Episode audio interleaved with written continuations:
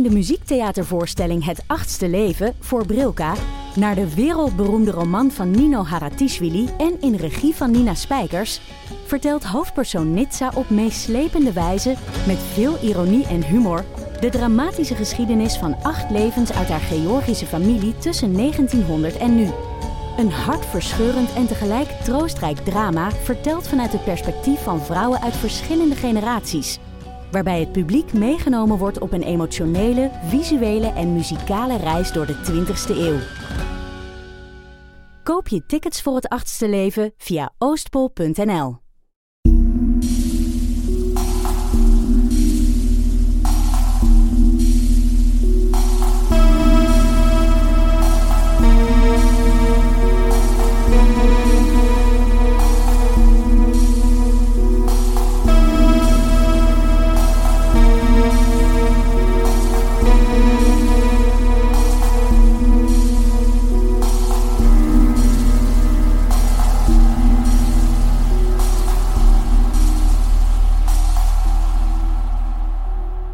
Welkom bij aflevering 122 van de Volksjury. Wij zijn Laura en Silke. En voor we deze aflevering starten, willen we graag het kort even hebben over wat er nu in de wereld gebeurt. We zijn in shock, uh, we voelen ons machteloos en we hebben pijn.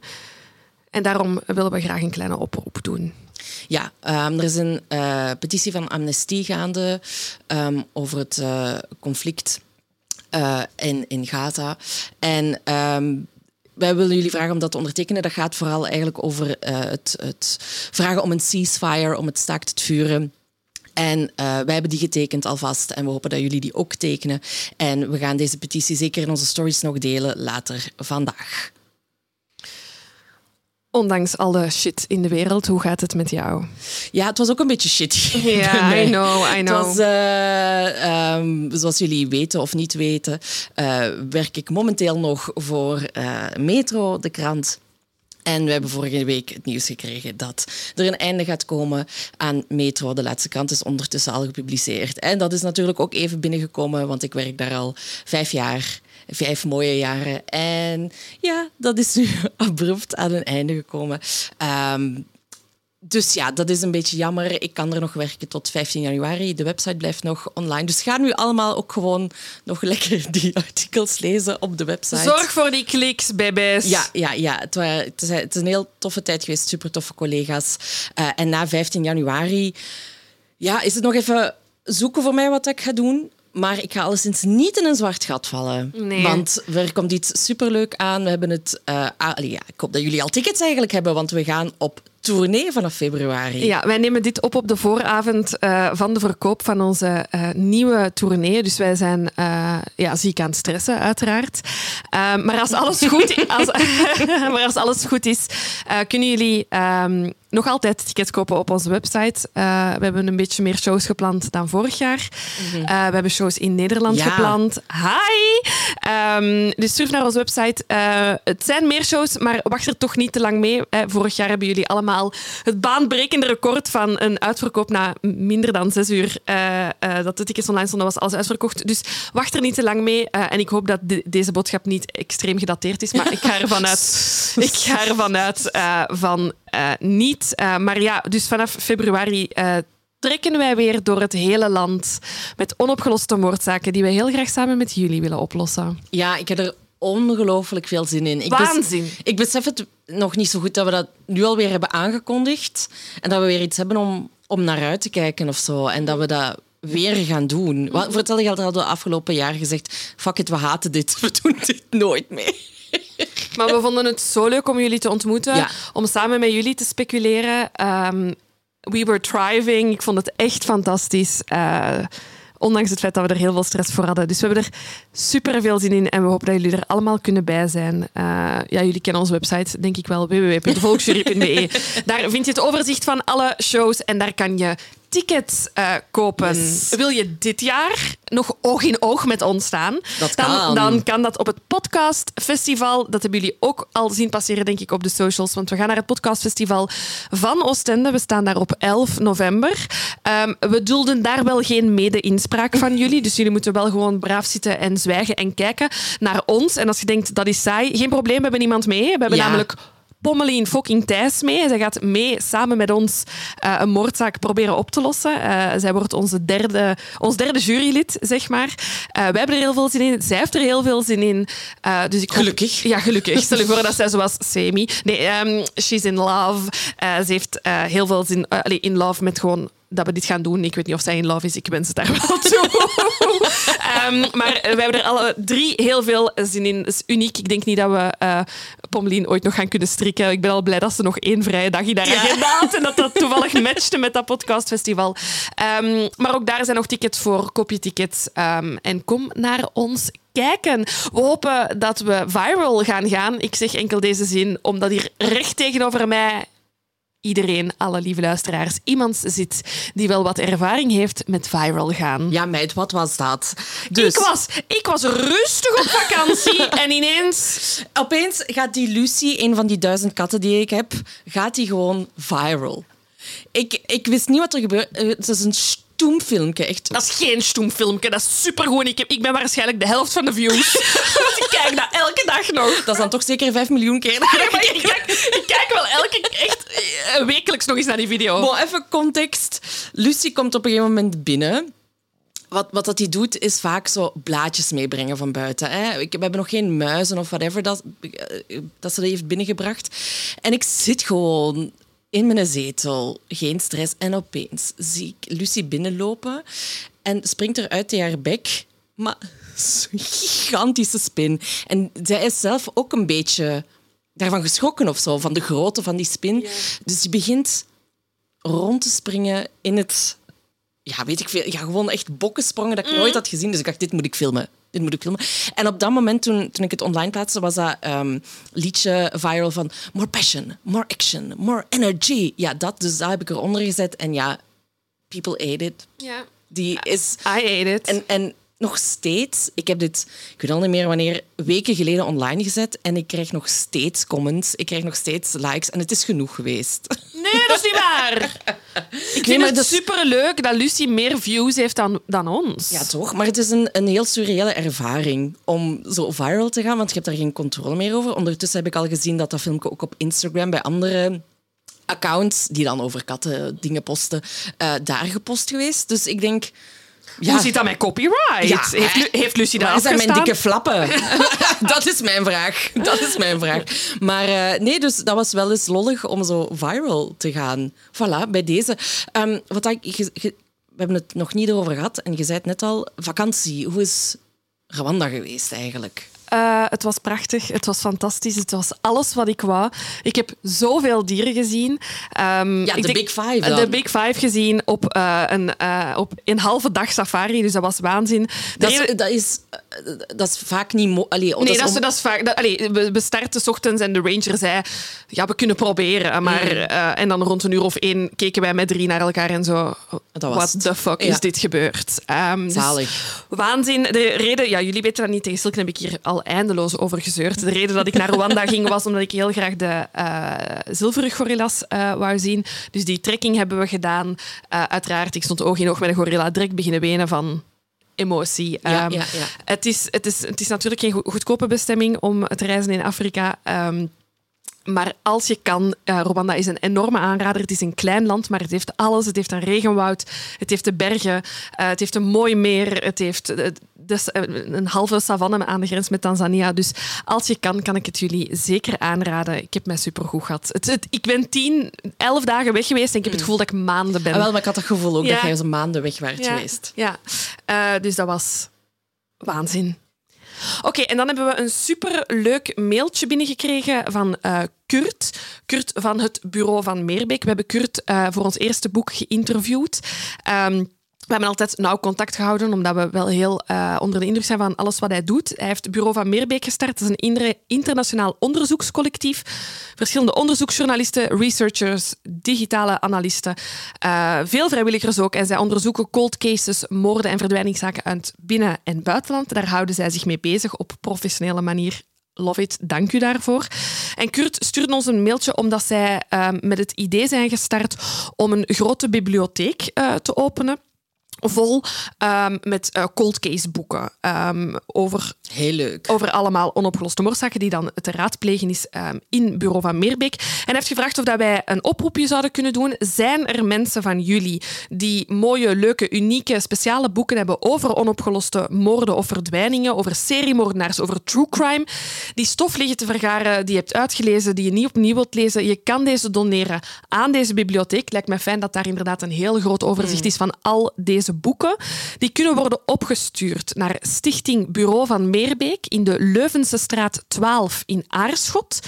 Uh, je kan ook gewoon een mailtje sturen naar info.bureauvanmeerbeek.com.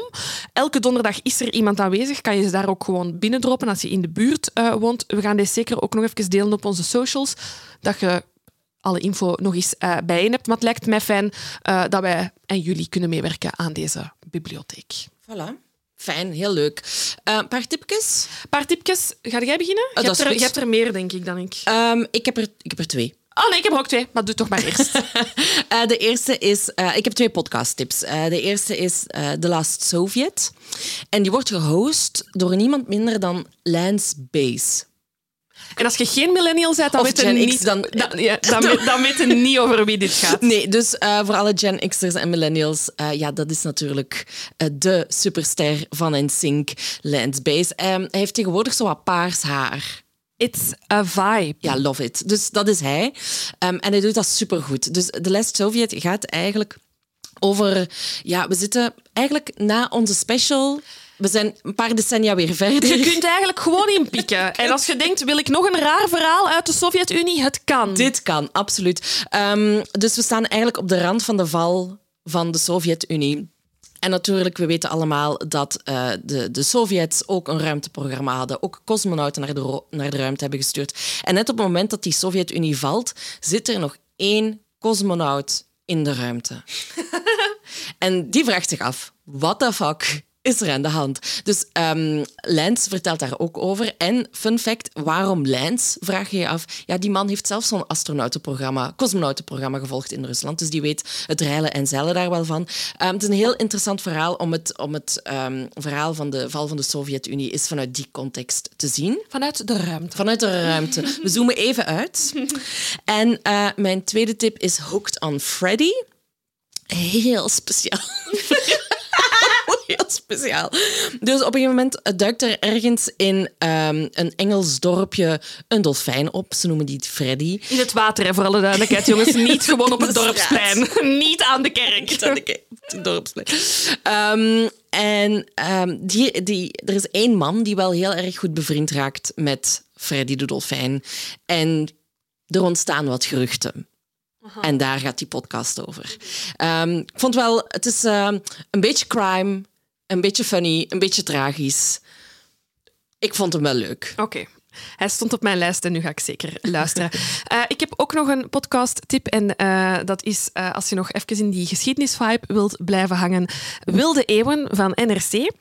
Het gaat over de middeleeuwen, de middeleeuwen in onze contraire. En aan de hand van acht verschillende personages, het zijn acht losstaande afleveringen, um, toont Hendrik Spiering de veelzijdigheid van de middeleeuwse cultuur en de wortels van de Europese beschaving aan. Um, ik vond het heel fijn onderweg. Uh, als, als ik in Rwanda tijd moest doden, heb ik er heel graag naar geluisterd. En dan wil ik graag nog een oproep doen. Silke lacht er altijd mee dat ik alleen maar reclame maak voor eigen televisieshows en films waaraan ik heb meegewerkt. Ik ga dus nu het tegenovergestelde doen en gewoon de concurrentie is even in een goed daglicht zetten. Oh, zo nobel van u. Mm, I'm so sweet. Nee, ik wil gewoon even zeggen dat er op dit moment twee waanzinnig, waanzinnige uh, Belgische films in de cinema zijn. Dat is Wil, geregisseerd door Tim Mieland, gebaseerd op het gelijknamige boek.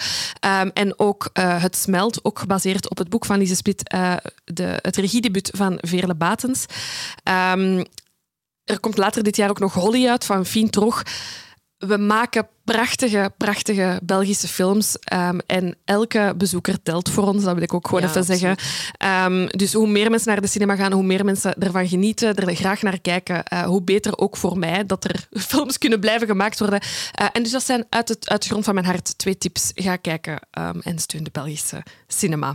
Zo school. En dan heb ik iets gedaan wat ik nog nooit heb gedaan. Na 122 afleveringen ben ik een ehm, iPhone-notitie begonnen met correcties. Wow, wat krijgen we nu? Ik weet het. Waar komt dat opeens vandaan? kritiek aanvaarden? I'm a new person. Ehm, ik ga beginnen met aflevering 120. Ehm, daarin eh, spreken we over uh, Borg in Amerika. Hè, dat. Spreek jij over Borg? Oh, ja. Jij hebt daar ook over gesproken. Trut. Um, in in uh, die aflevering spreken we over Borg en dat je je vrij kunt kopen uh, onder Borg. En zeiden we beiden, niet alleen ik. Het is eigenlijk waanzinnig dat dat niet bestaat in België. Um, en verschillende mensen, waaronder Jasmin, hebben ons laten weten. Je kan in België effectief vrij worden gelaten op basis van borg dat betaald wordt aan de staat. En die wordt berekend op basis wat de gedetineerde in voorarrest um, ja, heeft uitgespookt en welke waarde dat ze daar um, aan vasthangen, maar ook aan het inkomen van die persoon. En na het proces wordt die borg ook gewoon terugbetaald. Kijk, weer wat bijgeleerd. Ja. Uh, en dan even over de special the amount of people dat ons hebben gestuurd dat uh, de film Anastasia oorspronkelijk van Fox was en ondertussen is opgekocht door Disney en dat het dus toch een Disney-film is. Ja, maar... Nee, maar het ding is... Ik, ik bedoel, los van dat het mijn sector is en dat ik zo'n ding heel interessant vind... Het is opgekocht door Disney, dat is waar. Op papier is zij een Disney... Dat is geen echte Disney-film, hè? Eén, Eén, daar heb jij een punt. En twee, zij is officieel nog niet voorgesteld als Disney-prinses. Um, ze beantwoordt, uh, want er zijn heel veel artikels over te vinden, ze beantwoordt aan alle um, regeltjes zeg maar, om een Disney-prinses te zijn. Zo moet je bijvoorbeeld een eigen nummer hebben in de film. En dat heeft ze. Dus ze beantwoordt, ze moet van echt royalty zijn. Er moet ergens een kingdom aan haar hangen. En dus mm. ze beantwoordt aan alle regels, maar zij is tot op heden niet voorgesteld als Disney-prinses. Ik wil wel oproepen om dat te doen, want voor mij mag zij wel tot de Disney-prinsessenfamilie oh, uh, behoren. Maar op dit moment is ons Anastasia nog geen Disney-prinses, jongens. Het spijt me om jullie hart te breken. En dan heb ik, ik dacht, na de special, we hebben drie afleveringen opgenomen, wij zijn kapot. Ik ben in mijn zetel gaan liggen en ik heb dan toch Anastasia de film ja. nog eens gekeken.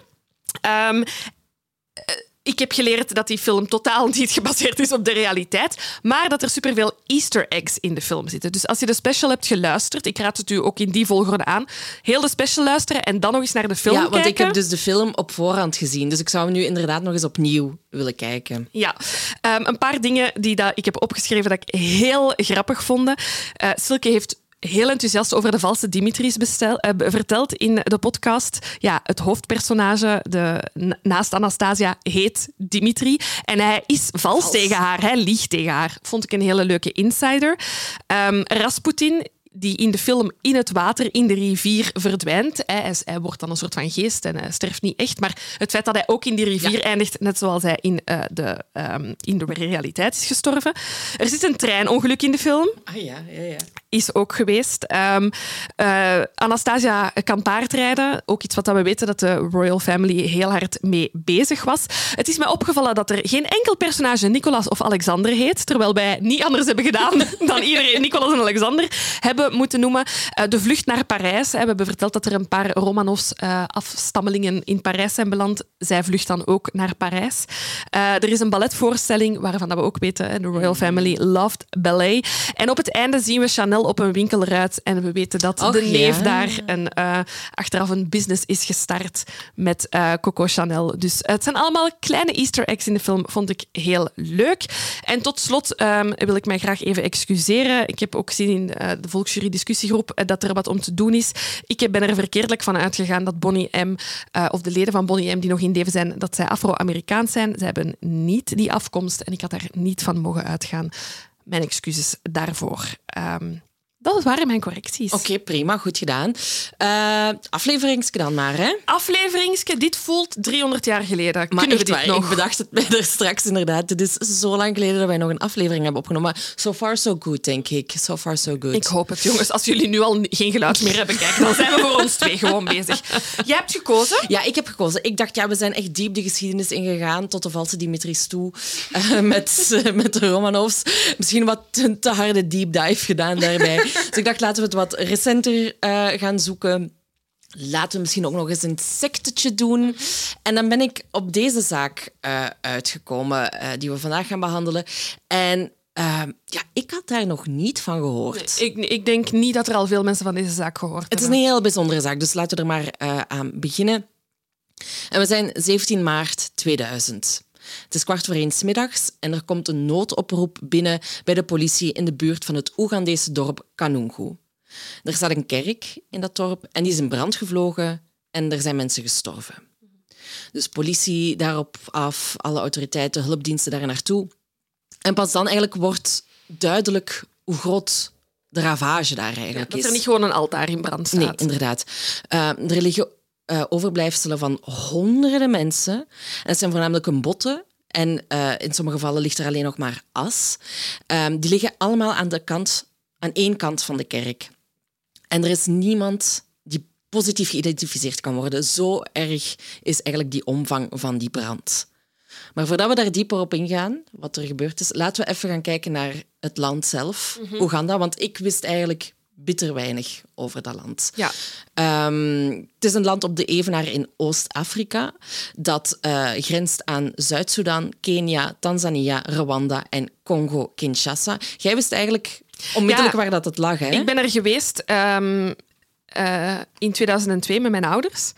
Um, en ik ben nu, toen ik in Rwanda was, uh, de grens met Oeganda overgestoken om de gorilla-trekking Ja. te doen. Ja. Oké, leuk. Dus ik heb, um, ik heb alleen maar positieve herinneringen aan Oeganda. Gelukkig, gelukkig, gelukkig. Ik heb wel ook nog, maar ik zou moeten zoeken, ik zat aan mijn mama moeten vragen, een foto van mij um, op de Evenaar. Oh, met zo'n ene voet op de ene kant en de andere kant, omdat die Evenaar effectief door het land loopt. Ah, Ja. zalig. Ja. Zalig. Nu, ehm, het is er alle... Ja, er is natuurlijk ook een koloniale conferentie van Berlijn geweest in 1885 en Oeganda werd toen toegewezen aan Groot-Brittannië. En in 1962 is Oeganda onafhankelijk geworden. Ehm, maar bon, zo, dat doen kolonisten dan, die bakenen hun grenzen af zoals ze dat willen, niet rekening houdende met welke groepen mensen daar allemaal wonen. Dus er is een heel grote verscheidenheid aan etnische groepen met verschillende politieke systemen en culturen. Dan vanaf 1971, hè, dus negen jaar Na de na de onafhankelijkheid. onafhankelijkheid, wordt Oeganda eigenlijk uh, een dictatuur. Uh, er komt een generaal-majoor um, aan, uh, Idi Amin komt aan de macht. En hij pleegt een staatsgreep. En diegenen die zijn staatsgreep niet steunden, de militaire leiders, die werden onmiddellijk geëxecuteerd. En Idi Amin is eigenlijk verantwoordelijk voor de uitwijzing van de Aziatische en witte bevolking in 1972 en de dood van ongeveer 300.000 tegenstanders. Hij heeft dan ook de bijnaam de slachter van Afrika. Um, ga ik nog verder? Ja, doe maar. Oké, okay. um, dus uh, hij heeft, uh, Idi Amin heeft bijzondere titels aan zichzelf gegeven zijnde van president voor het leven tot koning van Schotland. Um, er wordt over hem gezegd dat hij onberekenbaar was, dat hij aan grootheidswaanzin leed. Um, hij liet zich ook uh, aanspreken als zijn excellentie veldmaarschalk. Uh, president voor In de volledigheid, alstublieft. Uh, excellentie veldmaarschalk Haji Dr. Idi Amin Dada, dat is hem, hè. Mm -hmm. um, drager van het Victoriaanse kruis, lid van de excellente orde van de bron van de Nijl en veroveraar van het Britse Rijk in Afrika. Bon, dat, dat zegt al genoeg over die grootheidswaanzin, mm -hmm. denk ik. Nu, hij werd uiteindelijk uh, verdreven na een militaire interventie van Tanzania. En uh, de voormalige president, dus de president die voor Idi Amin aan, aan de macht was, uh, Milton Obote, wordt terug president. En daarmee denk je, komt het allemaal goed nu? Nee, er komt een guerrilla, uh, guerrilla-oorlog. er zijn heel veel schendingen van de mensenrechten onder het bewind van Obote. Er komen nog eens honderdduizenden mensenlevens uh, ja, gaan verloren. En um, uiteindelijk in 1986 komt Yoweri Museveni aan de macht. En daarmee is er een soort van relatieve stabiliteit in het land gekomen. Er is een economische groei geweest. En die man is nog steeds aan de macht. Ja, dat dat dan Dus- ook weer problematisch is. Ik denk het ook, ja.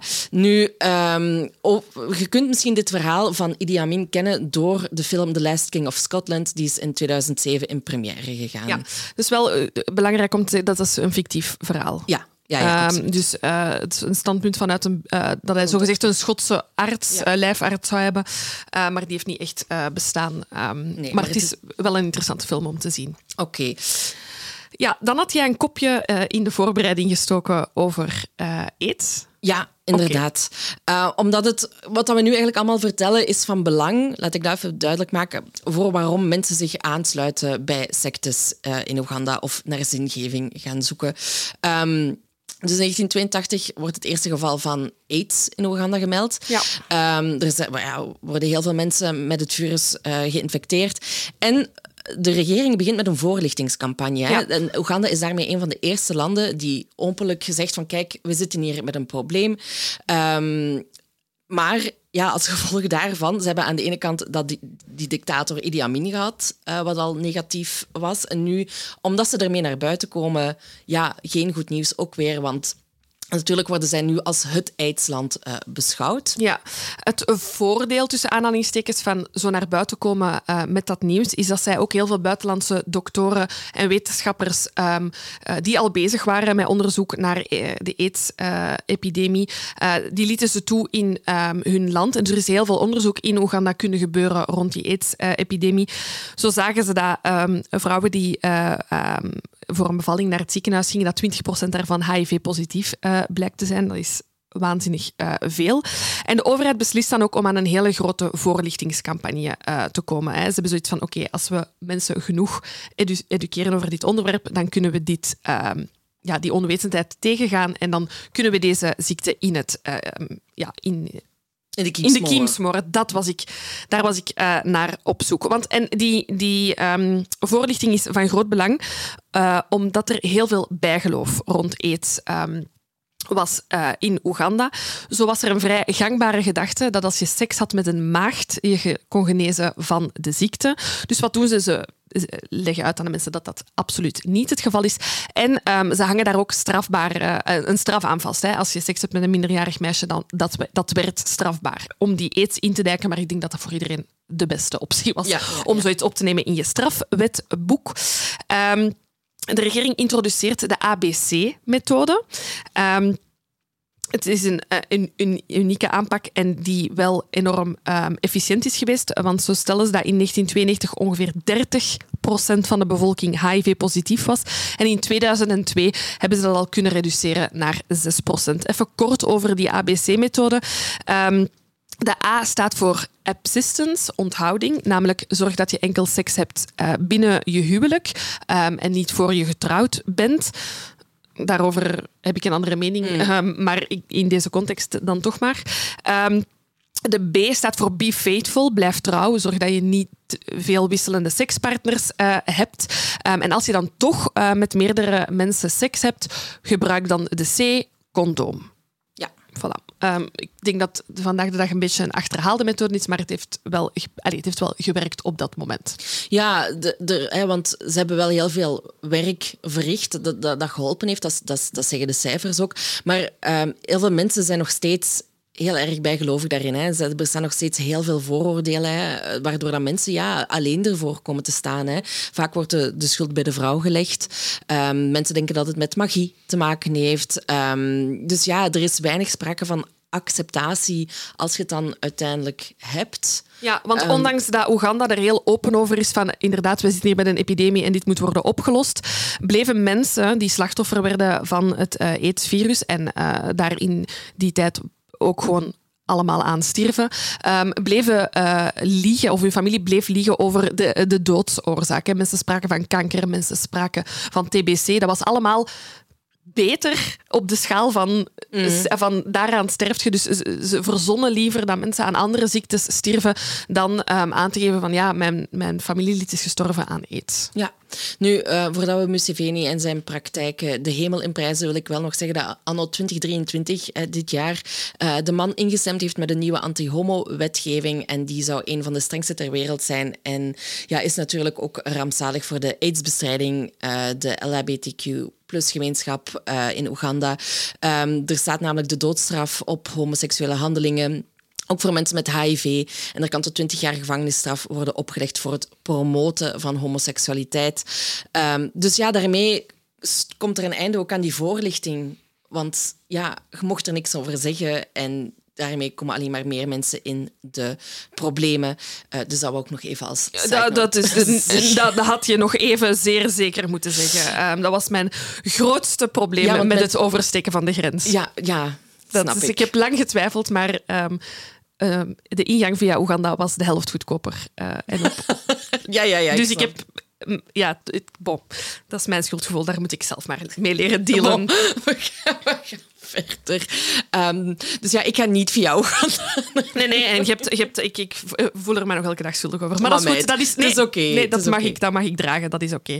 Religie dan maar, want dat brengt zoveel heil in de wereld. Daar zitten we allemaal op te wachten, toch? Nu, we weten dat hè, um, Oeganda gekoloniseerd is geweest door de Britten. Er is een volkstelling geweest in 2002. En de bevolking van Oeganda bestaat voornamelijk voor 84 procent toch uh, 84% uit christenen. De katholieke kerk heeft het grootste aantal aanhangers van uh, 42%, gevolgd door de Anglikaanse kerk van Oeganda. Um, dus dat is allemaal meegebracht door de missionarissen en de kolonialisten. Dan is er ook nog een minderheid van de bevolking uh, islamitisch. Dat is voornamelijk het Soenisme. En um, ja, er zijn ook nog evangelische en pinkstergemeenschappen actief. En de secte waar dat wij het over gaan hebben, is een aftakking van dat katholieke geloof. Ja, van het Rooms-katholieke geloof. Wat uh, horen ze daar uh, in Oeganda? Ze horen daar um, als je een vrome katholiek bent, en dat is wat dat ze, wat, het doel dat hen ineens werd opgelegd, van dat is wat je moet zijn. Je moet een Rooms-katholiek braaf kinderen zijn. Um, het summum dat je binnen het Rooms-Katholieke geloof, uh, behalve paus zijnde, um, kan bereiken, ja, dat is toch iets van heiligdom vast ankeren in uw grond. En hoe doet je dat? We hebben Lourdes, we hebben Scherpenheuvel, een Maria-verschijning dat is het summum wat je kan bereiken. Ze lezen daarover, ze horen over Lourdes, ze horen, over heilige plekken. Uh, dat wordt tot hen, uh, door, door missionarissen naar hen gebracht. Dus in Oeganda moeten ze hebben gedacht, damn, als wij nu maar ook eens een Maria-verschijning zouden kunnen hebben, dan zijn wij eindelijk ook de echte Rooms-katholieke mensen die we zouden moeten zijn. Ja. Dus eh, de focus om zo'n Maria-verschijning te zien, tegen te komen, te overkomen, was groot. Ja, dat wou ik kort zeggen. Nee, nee dat is oké. Okay. Um, even kijken um, wat ik hier nog over heb. Ik daar nog iets over heb. Ja, er is één uh, in, in, uh, in, in Rwanda die erkend is geweest. Een officiële, de Lady of Kibeho. Uh, die hebben ze goedgekeurd. Dat was zo Maria drie keer verschenen zijn aan drie kinderen. En haar bericht was: je moet het roze, de roze krans, zo heet dat, hè? Mm -hmm.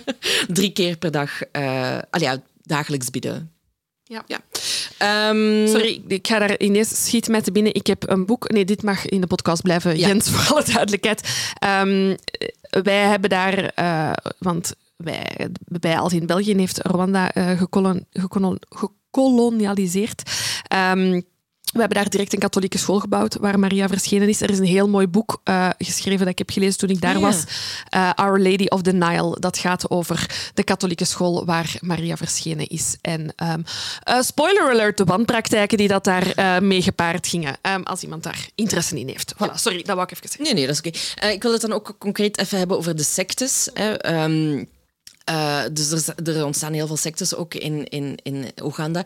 En wij hebben het vandaag over het herstel van de tien geboden van God. En dat is eigenlijk, um, volgens wat ik gelezen heb, een typische Afrikaanse inheemse kerk. Um, dat fenomeen van die inheemse kerken is ontstaan rond 1840, omdat toen uh, ja, inwoners zich, zijn gaan afscheiden van de traditionele uh, katholieke kerken zoals wij het hier kennen. Ja, die, ze hebben zoiets van, ja, jullie zijn ons komen kolonialiseren. Jullie weten eigenlijk niet echt wie dat wij zijn of waar wij voor staan. Ehm, dus wij scheuren ons af en wij beginnen ons eigen ding. We behouden jullie God wel. Hè. We zullen, en we zullen ook de paus wel houden. Ehm, maar we gaan onze eigen gebruiken en riten hieraan uh, toevoegen. Ja, het was, de, de, blik was te eurocentrisch en te racistisch, uiteraard. Ja. Dus vandaar. Er was ook, um, heb ik er eens tegengekomen, er ontstond heel veel frustratie over die Europese Rooms-katholieke uh, kerken, omdat er geen doorgroeimogelijkheden waren. Ah, ja. Ja, dus enkel witte mensen konden in die koloniale periode pastoor worden of hogerop geraken. Um, en je kon wel klerk zijn en je kon wel hulpje zijn. Maar um, als jij iets of wat ambitie had binnen de kerk, was dat vrij onmogelijk in die Europese, in die Europese uh, Rooms-Katholieke kerken. En dat is ook een reden waarom dat ze aftakten in kerken die dan Afrikaans-inheemse kerken worden genoemd. Ja, dus als we kijken naar de geschiedenis van Oeganda en uh, er is veel politieke onrust, veel sociale onrust, mensen worden ziek, uh, mensen worden ja, niet geaccepteerd voor wie dat ze zijn, eh, voor de ziektes die ze hebben. Um, dus ja, er, er bestaat, ontstaat een soort van, uh, ja, hoe zeg je dat? Uh, grond om, om, ja omdat mensen die zoeken naar acceptatie. Er zijn gewoon heel veel zoekende mensen op alle mogelijke vlakken. Um, en een snelle oplossing of een, of een, of een oplossing dat daar dat, dat snel heil kan brengen, is het, op, het starten van een geloof. Dat is ook hoe dat in de westerse wereld sectes ontstaan. Er is een groot vraagteken, je kunt het niet invullen. Iemand komt en die vult dat in en je sluit je daarbij aan. Dus eigenlijk zien we, de, de redenen zijn anders, maar de manier is eigenlijk hetzelfde hoe dat we um, de sectes in de westerse wereld uh, zien ontstaan. We zullen eens beginnen met de, met de oprichters van onze secte. Um, we moeten wel even zeggen, er is niet heel veel info. Ik bedoel, er is informatie te vinden over deze secte, maar er is niet heel veel duidelijk, omdat zij zelf nooit dingen hebben opgeschreven of veel hebben op, opgeschreven, laat ik het zo zeggen. Woelige tijden, onderbemande politie, uh, te weinig mensen, ja. uh, te weinig journalistiek ter plekke die da daar tijd en aandacht voor kreeg of de, de kans had om, om hierover te berichten. Uh, dus er zijn zeer veel wisselende berichtgeving. Ook qua aantal slachtoffers bijvoorbeeld, daar zullen we het straks nog over hebben. Maar we doen het met wat we te weten zijn gekomen, laat ik het zo zeggen. Um, voor ons verhaal starten we bij uh, Joseph Kibetere. Hij is in 1932 geboren in West-Oeganda in een zeer christelijk gezin, maar was wel in een rijk gezin geboren. Veel geld, veel aanzien. Uh, Jozef was zelf ook een heel erg gelovige man, die ook echt zo zei van ik blijf geloven om op het rechte pad te blijven. Hè. Ja, hey, maar het zijn woelige tijden. Ik vind het wel um, mooi dat je blijft aanhouden aan iets. Het, het, het is ja. waarschijnlijk dat of ja, en met het slechte pad bedoel ik niet. Het zijn gewoon heel woelige tijden. Er kunnen heel veel dingen gebeuren. En als je dan vasthoudt aan je geloof om ja, voor sanity, ik begrijp het wel ja, of ja, zo. Ja, um, nu, hij heeft zelf gestudeerd om leerkracht lager onderwijs te worden. Hij heeft dan ook lesgegeven in verschillende scholen en is dan zelfs directeur en supervisor geworden van ja, de lokale katholieke school van waar hij vandaan komt. In 1960 trouwt hij met Theresa. Zij is een lerares huishoudkunde. Ze krijgen 16 kinderen. En over haar huwelijk zegt Theresa... We hebben nooit gevochten. We hadden nooit discussies in, in ons uh, huis of ruzies. Hij was gewoon echt een vredig man, als het ware. Um, zij zelf behoorde tot de plaatselijke elite in het West-Oegandese district Ntungamo. Ja, ik weet soms niet hoe ik het moet uitspreken. Um, en daar hadden ze eigenlijk best wel een mooi huis hè, vanaf 1973.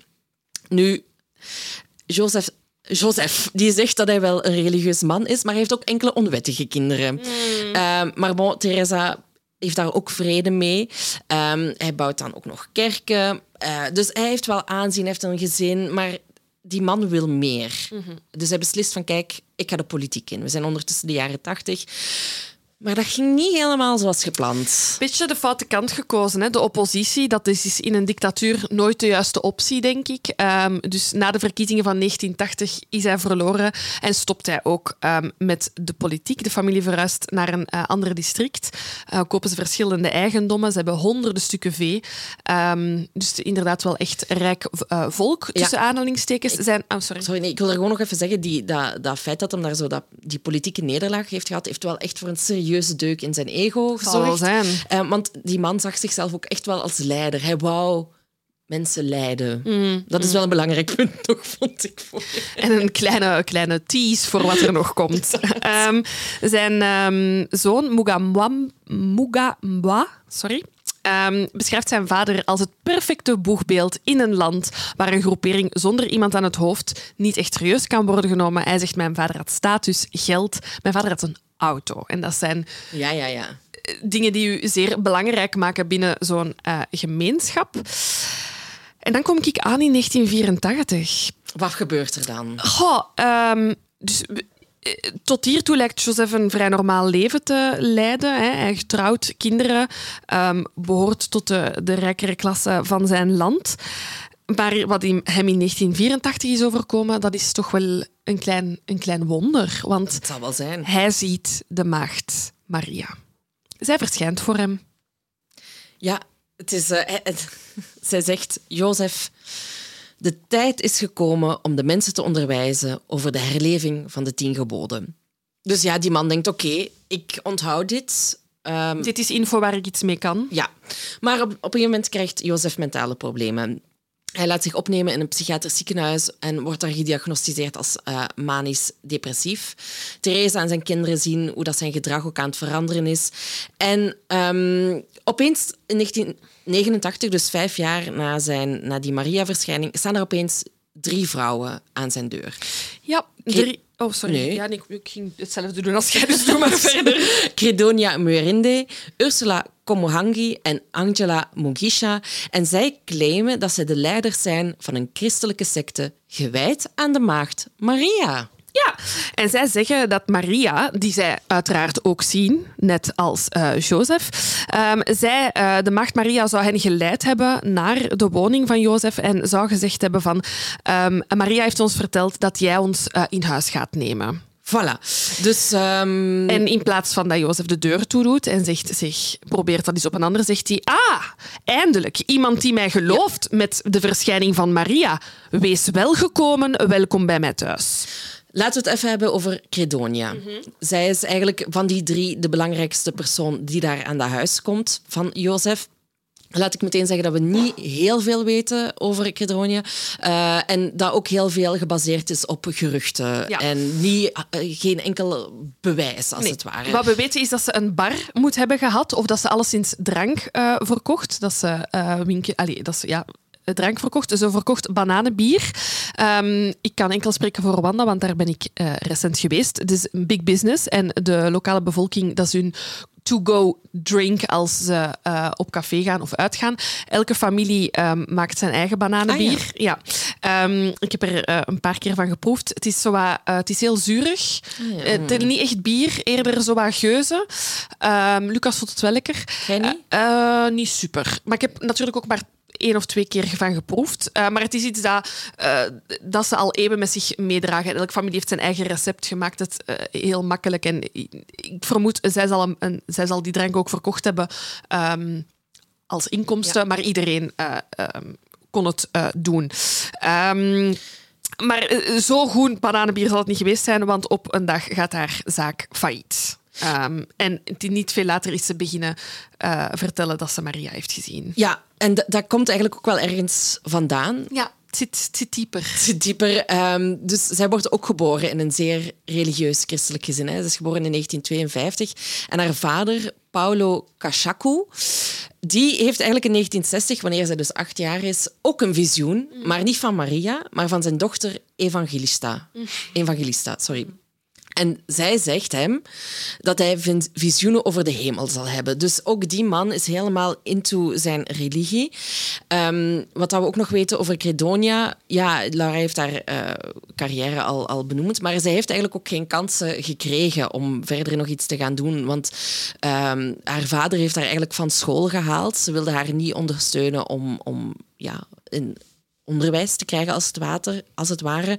Ehm, ze noemt zichzelf eigenlijk een sekswerker, maar we weten ook niet, als het ware, in hoeverre dat ze dat ook effectief was. Uitvoerde, ja. Omdat, ja, zij speelde zich natuurlijk aan Maria, hebt ook Magdalena. Magdalena. Ehm, Die- niet aan Maria, hè. Maria was de maagd maar. Inderdaad, inderdaad, maar hè, aan Magdalena. Ehm, maar ze zou dus ook eh, vier kinderen hebben gehad uiteindelijk, van, van wie dat er vandaag nog twee zouden leven. Eh, en dan begint ze aan haar bananenbier. Maar bon, we, zijn ook iets te weten gekomen over haar karakter. Mm. en dat ze, nog, ze zou nog wel eens eh, gewelddadig kunnen zijn, een beetje wrakzuchtig en ze zou ook een obsessie met vuur gehad hebben. Ehm, dit is allemaal gebaseerd Hearsay. op hearsay. Maar ze zouden de bezittingen van een man. eh, Er was, ze had een relatie met die man en die relatie was spaak gelopen. En zij dacht, ja, niet met mij, gast. En ze heeft al die zijn spullen, naar het schijnt, in brand gestoken. Haar familie heeft haar daarop naar een psychiatrische instelling gekregen, die haar dan weer terugsturen. En het enige wat dat ze zeggen is, kijk, je, die meid is geestelijk gestoord. Letterlijk die woorden. De- Wij kunnen hier niks mee doen, als het ware. Nee. Ehm, even kijken wat ik hier nog heb. Ik wou nog een kleine zijsprong maken naar hoe dat zij Maria zag. Hoe dat Maria tot haar kwam. Ja, dat kan zeker, ja, ja. Ehm, dus eh Credonia vertelde dat zij Maria kon zien in de bergen. Eh, er was een steen in de bergen die effectief op Mari- die sprekend op Maria leek. Ehm, en het is als ze naar die bergen keek ehm, en dus naar de steen keek die op Maria leek, dat Maria tegen haar begon te spreken. Ja, ik heb, ik heb in een artikel van de Morgen uit 2000 een, een hele quote gevonden over wat Maria tegen haar gezegd zou hebben. Even kijken. Ehm, dus zij, zij claimt dat zij ook getuige is geweest van een gesprek tussen God, Jezus Christus en Maria. Die waren allemaal aanwezig. Die waren allemaal aanwezig. Vibe. Ehm, en het ging over het einde van de wereld. En daarin vraagt eigenlijk Maria aan God of ze naar de aarde mag terugkeren om de wereld te redden. En God zegt, "Mm-mm, nee, nee, gaan we niet doen. En ehm, hij zegt, ik heb naar de wereld gekeken en gezien dat de mensen de tien geboden hebben opgegeven. Zij aanbidden andere objecten en zijn hun eigen meesters geworden. Zij houden zich aan Satans regels. De mensen van deze generatie zijn mij niet waard. Ik ga hen vernietigen, één voor één. Ja, great. Ja, dus eigenlijk de enige manier hoe dat je die apocalyps, eh, waar dat ehm, eh, Credonia getuige van is, alleen van het gesprek over de apo- apocalyps, kon overleven, was door terug te keren naar het leven volgens die tien geboden. Ja. Vandaar ook de naam van eh, de, secte. Even terug naar het huishouden van Jozef, nadat hem eh Credonia... Ik, ik heb nog, toch nog één dingetje over Zeker, Credonia's. doe maar. Dus er is ook een brief verstuurd. Mhm. Ehm, maar ehm, het is maar een brief natuurlijk. En daarin zou eigenlijk een getuige geschreven hebben hoe dat... ehm, we weten dat ze wraakzuchtig en gewelddadig is, maar dat ze ook al iemand vermoord zou hebben, ons Credonia. Een passerende motorrijder die langs haar bierbar eh, passeerde. En eh, dat ze hem heeft vermoord terwijl hij sliep, dat, hij het geld dat zij het geld gehouden heeft. Ehm, en daar zijn dan de, de volgende ochtend zijn dan mensen ja, hun bier komen halen, uiteraard. En dat ze toen heel veel bloed hebben gezien. Maar wij, ik, allee, ik heb daar niks meer over gevonden. Dus het is maar hearsay. Maar ik vind het wel een indicatie voor hoe dat ze wel gezien werd, misschien. In die... Ja, ja, ja dat, dat mensen inderdaad haar linken met dit soort eh, feiten. Ja, ehm, ah ja, ook interessant nog. ehm al haar broers zijn één voor één gestorven. Ja, en allemaal eh, v- vlak achtereen. zijn vlak achtereen, waardoor dat zij de enige eigenaar wordt van het land van haar vader. Mm. Heeft zij daar iets mee te maken? Ik weet het niet. Ik zeg het maar. Ik zou durven zeggen van Ik wel. zou het ook durven zeggen wel.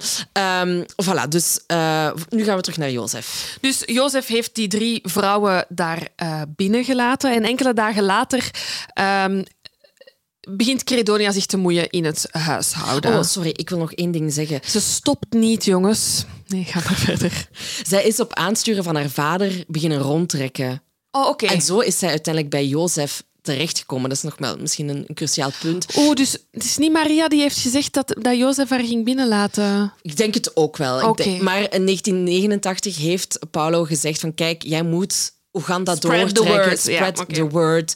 En zij heeft dan de hulp ingeroepen van eh, Ursula en Angela, die ook in, al, ja, geestelijke waren, als het ware, die dan mee aan de deur stonden bij Jozef. Oké, sorry. Nee, dat is oké. Alle info die tot bij onze luisteraars moet geraken, moet er geraken. We zijn ook een beetje een secten op ons eigen. Hè? Bedoel, dat, zo gaat dat. dat. Dus ehm ons Credonia is daar bij Joseph thuis eh, toegekomen. En die eerste dagen... Sava, ja, die vrouw heeft hij ook mee binnengelaten. Maar dan na enkele dagen eh, heeft Credonia zoiets van ik ga mij toch een beetje beginnen moeien met dat huishouden hier. Ehm, ik heb ook een mening.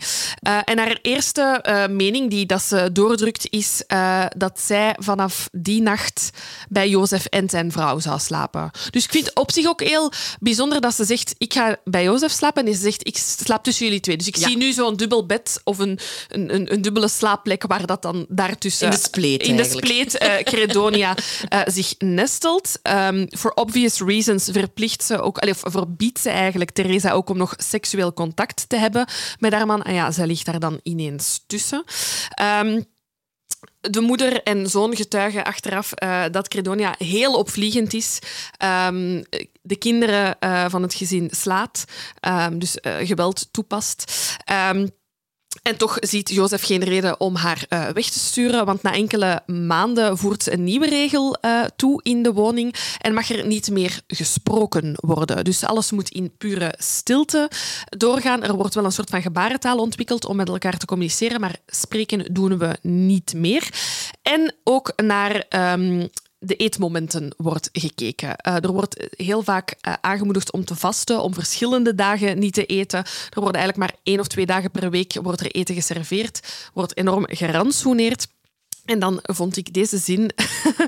uh, eh, zeer verontrustend. Dus naarmate het huis voller geraakte met volgelingen, werden ook moeders en kinderen van elkaar gescheiden. En ik was zo, hoezo voller? Ik bedoel, enkel zij was daar toch gaan wonen. En dan las ik verder in het artikel en toen zag ik dat de spanningen opliepen tussen de ongeveer 200 volgers en de familie. 200? Ja, maar die man had een boerderij, hè? Weet je nog? Met zijn... Ja, ja, dat dat niet in een rijhuisje is, dat kan ik mij voorstellen. Maar 200 mensen, weet je wat dat is? Nee. Nee, ik ook niet, maar dat is veel. dat is veel, ja. Dat is fucking veel. Ja. En die woonden dus allemaal bij Jozef en zijn vrouw en kinderen die daar niet om hebben gevraagd. En die nee. mogen niet spreken met elkaar. Hè. Zie je al 200 mensen in stilte naast elkaar leven? Echt creepy. Heel eng. Um, ja, dus dat gaat daar maar de hele tijd door en door en door. Um, Credonia zondert zich ook vaak af in een kamer om de programma's, tussen aanhalingstekens, van de Maagd Maria te ontvangen. Dan kwam ze weer naar buiten, vertelt een van de kinderen van Jozef. Um, met de van God gekregen mededeling dat Maria boos was omdat de, de, mensen te veel zouden gezondigd hebben en dat God daarom een einde zou maken aan de wereld. En Jozef die slikt alles maar als zoete koek. Maar uh, op een gegeven moment um, krijgt uh, de groepering mm -hmm. meer aanzien, omdat er dan op een gegeven moment een pastoor arriveert, genaamd Dominique Kataribabo. Hij kunnen we ook wel zien naast Jozef en Credonia als een van de belangrijkste figuren. Um, en uh, hij is eigenlijk een, een, een, pastoor, zoals ik het zei, die, al, die een PhD had gehaald in de Verenigde Staten.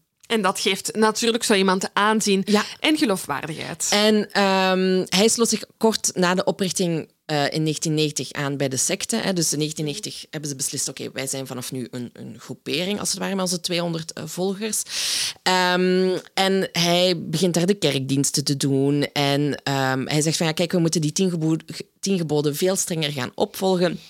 En de toenmalige bisschop daar, die zei, ja, dit, dit kan niet. Dit, dit is veel te, te streng en dit is niet zoals wij het hier doen. Dus um, Dominique wordt op non-actief gesteld.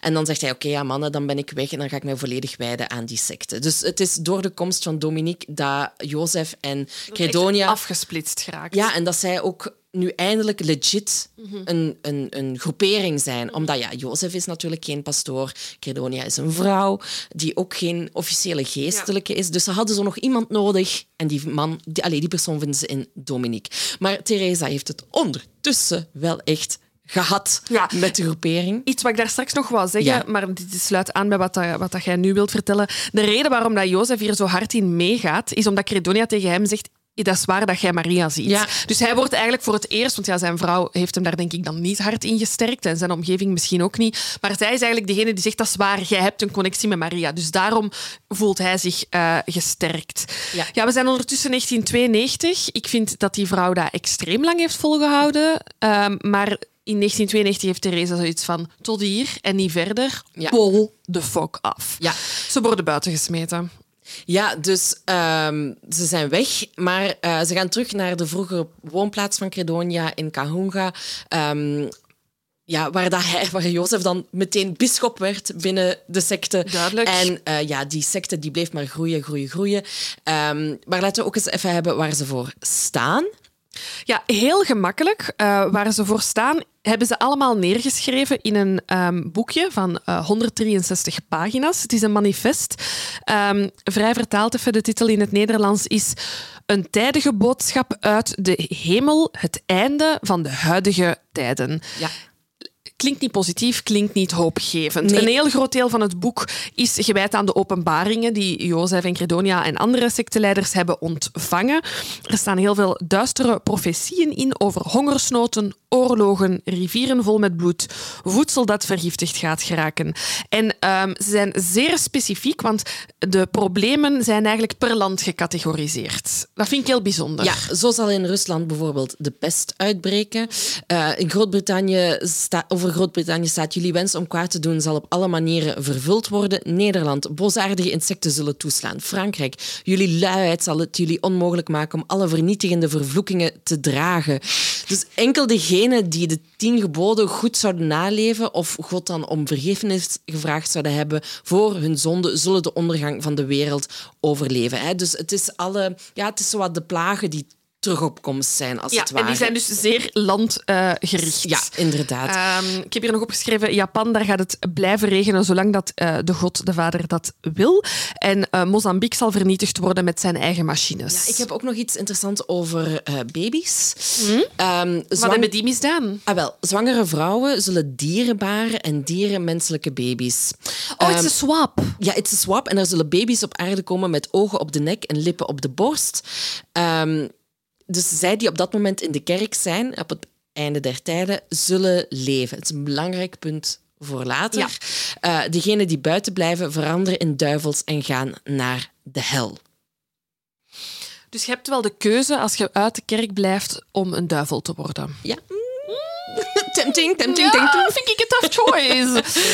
um, maar hij zegt ook, ja, uh, zij, degenen dus die dus in de kerk komen, zullen toegang krijgen tot een nieuwe wereld die na drie dagen duisternis uit de hemel zal neerdalen. De nieuwe aarde zal prachtig zijn met heel veel licht. En ze kondigen aan, dit gaat allemaal gebeuren op 31 januari 1999. Ja, nu Silke, uh, dat klinkt, super... Um uh, interessant. En ik wil heel graag bij um, deze secte komen. Wat moet ik, wat moet ik daarvoor doen? Is dat, moet ik een papiertje tekenen? Um, moet ik uh, gedoopt worden? Of is er iets anders dat ik kan doen om tot de secte toe te treden? Toe te treden? Wel, um, ik zou graag al jouw geld willen. Oké, okay, geen probleem. Dus mensen die lid wilden worden, moesten al hun bezittingen al afstaan. En uiteraard, zoals het een goede secte beaamt, moeten er ook regels zijn. Mm. Um, Even kijken. Ja, Laura zei het er straks al in het, eh, in het huis met de 200 volgelingen. Daar al werd er niet gesproken. Er werd alleen maar gebruik gemaakt van handgebaren. Er wordt gevasten. Er was enkel één maaltijd op vrijdag en maandag. Um, seks was verboden. Sorry, één maaltijd. Ik wil dat je dat gewoon nog eens even... Let that sink in. Eén maaltijd op vrijdag en maandag. Ik zou ook niet spreken ik zou... ik zou hangry AF zijn. Same, same, same. Dus, uh, en dan was ook nog eens seks verboden. Um, ook zeep was verboden. Dus zelfs als je getrouwd waart... Dat gaan ze ons nog allemaal afpakken. Echt waar, echt waar. Nu, um, even kijken... Um... Dresscode? Ja, we het daar even over hebben? Uh, een wit, groen en zwart uniform. Ja, um, en er was wel even een, een, kleurencode, dat was van belang. Um, als je nieuw uh, toekwam in de groep, mocht je enkel zwart dragen. Ah ja, zo. Ja, ja, ja, ja. En dan uh, de volgende stap. Uh, dus als je hebt beloofd om de geboden te volgen um, en te leven volgens de regels, dan, dan draagt je groen. En als je dan zo ubersectelid waart, namelijk degene die bereid zijn om te sterven in de ark, die mochten groen en wit dragen. Ah ja, de combo. Die mogen combo doen. Okay, en alleen wit, dat weet ik niet. Misschien de, de hooggeplaatste. Ja, maar... ja, ja. Um, wat dat ook niet meer uh, interessant was, want ja, we're all gonna die, was onderwijs. Nee, dus niet nodig. Niemand mocht nog naar school gaan. Er mocht ook geen gebruik worden gemaakt van moderne geneeskunde. En dan ook, je krijgt al geen eten, mm. buiten die twee bovenmaaltijden. maaltijden. je moest iedere fucking dag om drie uur s ochtends opstaan. Voor wie? Want de wereld gaat toch vergaan. Ja, voor het gebed, voor God. Voor God. Um, dus als je dan toetrad tot de secte, moest je eigenlijk zweren dat je in volledige armoede ging leven, kuisheid en gehoorzaamheid. Ja, mij niet bellen. Maar tegelijkertijd moest er ook heel hard gewerkt worden op de velden waar dat ze aardappelen, cassavebonen, bananen of suikerriet verbouwden. En ehm, ja, bon, veel regels om te volgen. Dus ja, natuurlijk worden die verbroken. Maar Credonia had daar een oplossing voor. Hij zei van, kijk, als je één van deze regels verbreekt, dan gaat Maagd Maria en Jezus en Jezus u vervloeken. God niet. Enkel, God niet. Enkel die twee. Oké. Worth the risk. Wordt er, ja, ik ben even zo aan het twijfelen. Die twee dan wel. Ehm, nee, intens. Lijken mij sterke regels. Maar dus, again, en dat is waarom dat we de geschiedenis in het begin een beetje geschetst hebben. ehm, weet in wat voor onzekere tijden deze mensen leefden. Ehm, iemand die u duidelijkheid geeft, die u een, een kader geeft, hoe waanzinnig dat kader ook is om in te leven. Ehm, het zal aantrekkelijk geweest zijn voor mensen die zoekende zijn op zo'n moment. Ja, en het zijn er veel, hè, want tegen het einde van de jaren negentig is eh, de secte uitgegroeid tot maar liefst 4000 leden. Hè. En Dat had allemaal niet bij Theresa thuis gepast. Alle chance dat die verhuisd zijn. Ehm, nu, ze worden ook officieel erkend volgens de Oegandese wet. In 1997 worden ze geregistreerd. En ze worden eigenlijk beschouwd als niet zo gewelddadig voor de apocalyptische sectes die er bestaan binnen Oeganda. Ik denk dat dat genoeg zegt. Ehm, nu, eh, opmerkelijk is, eh, er is een krant die schrijft dat de secte in 1998 toch al een eh, gerechtelijk onderzoek dat er daar al was gevoerd, omdat ze ja, vanwege kindermishandeling, mogelijke ontvoering zelfs. En, ehm, maar er is eigenlijk niet veel meer van gekomen. Nee, hun licentie om een school te mogen uitbaten werd ingetrokken. Ja. Dat is het enige gevolg. Maar het lijkt me niet zo'n groot probleem als er geen onderwijs mocht zijn in de secte. Dus ik denk dat ze daar niet echt rouwig om waren.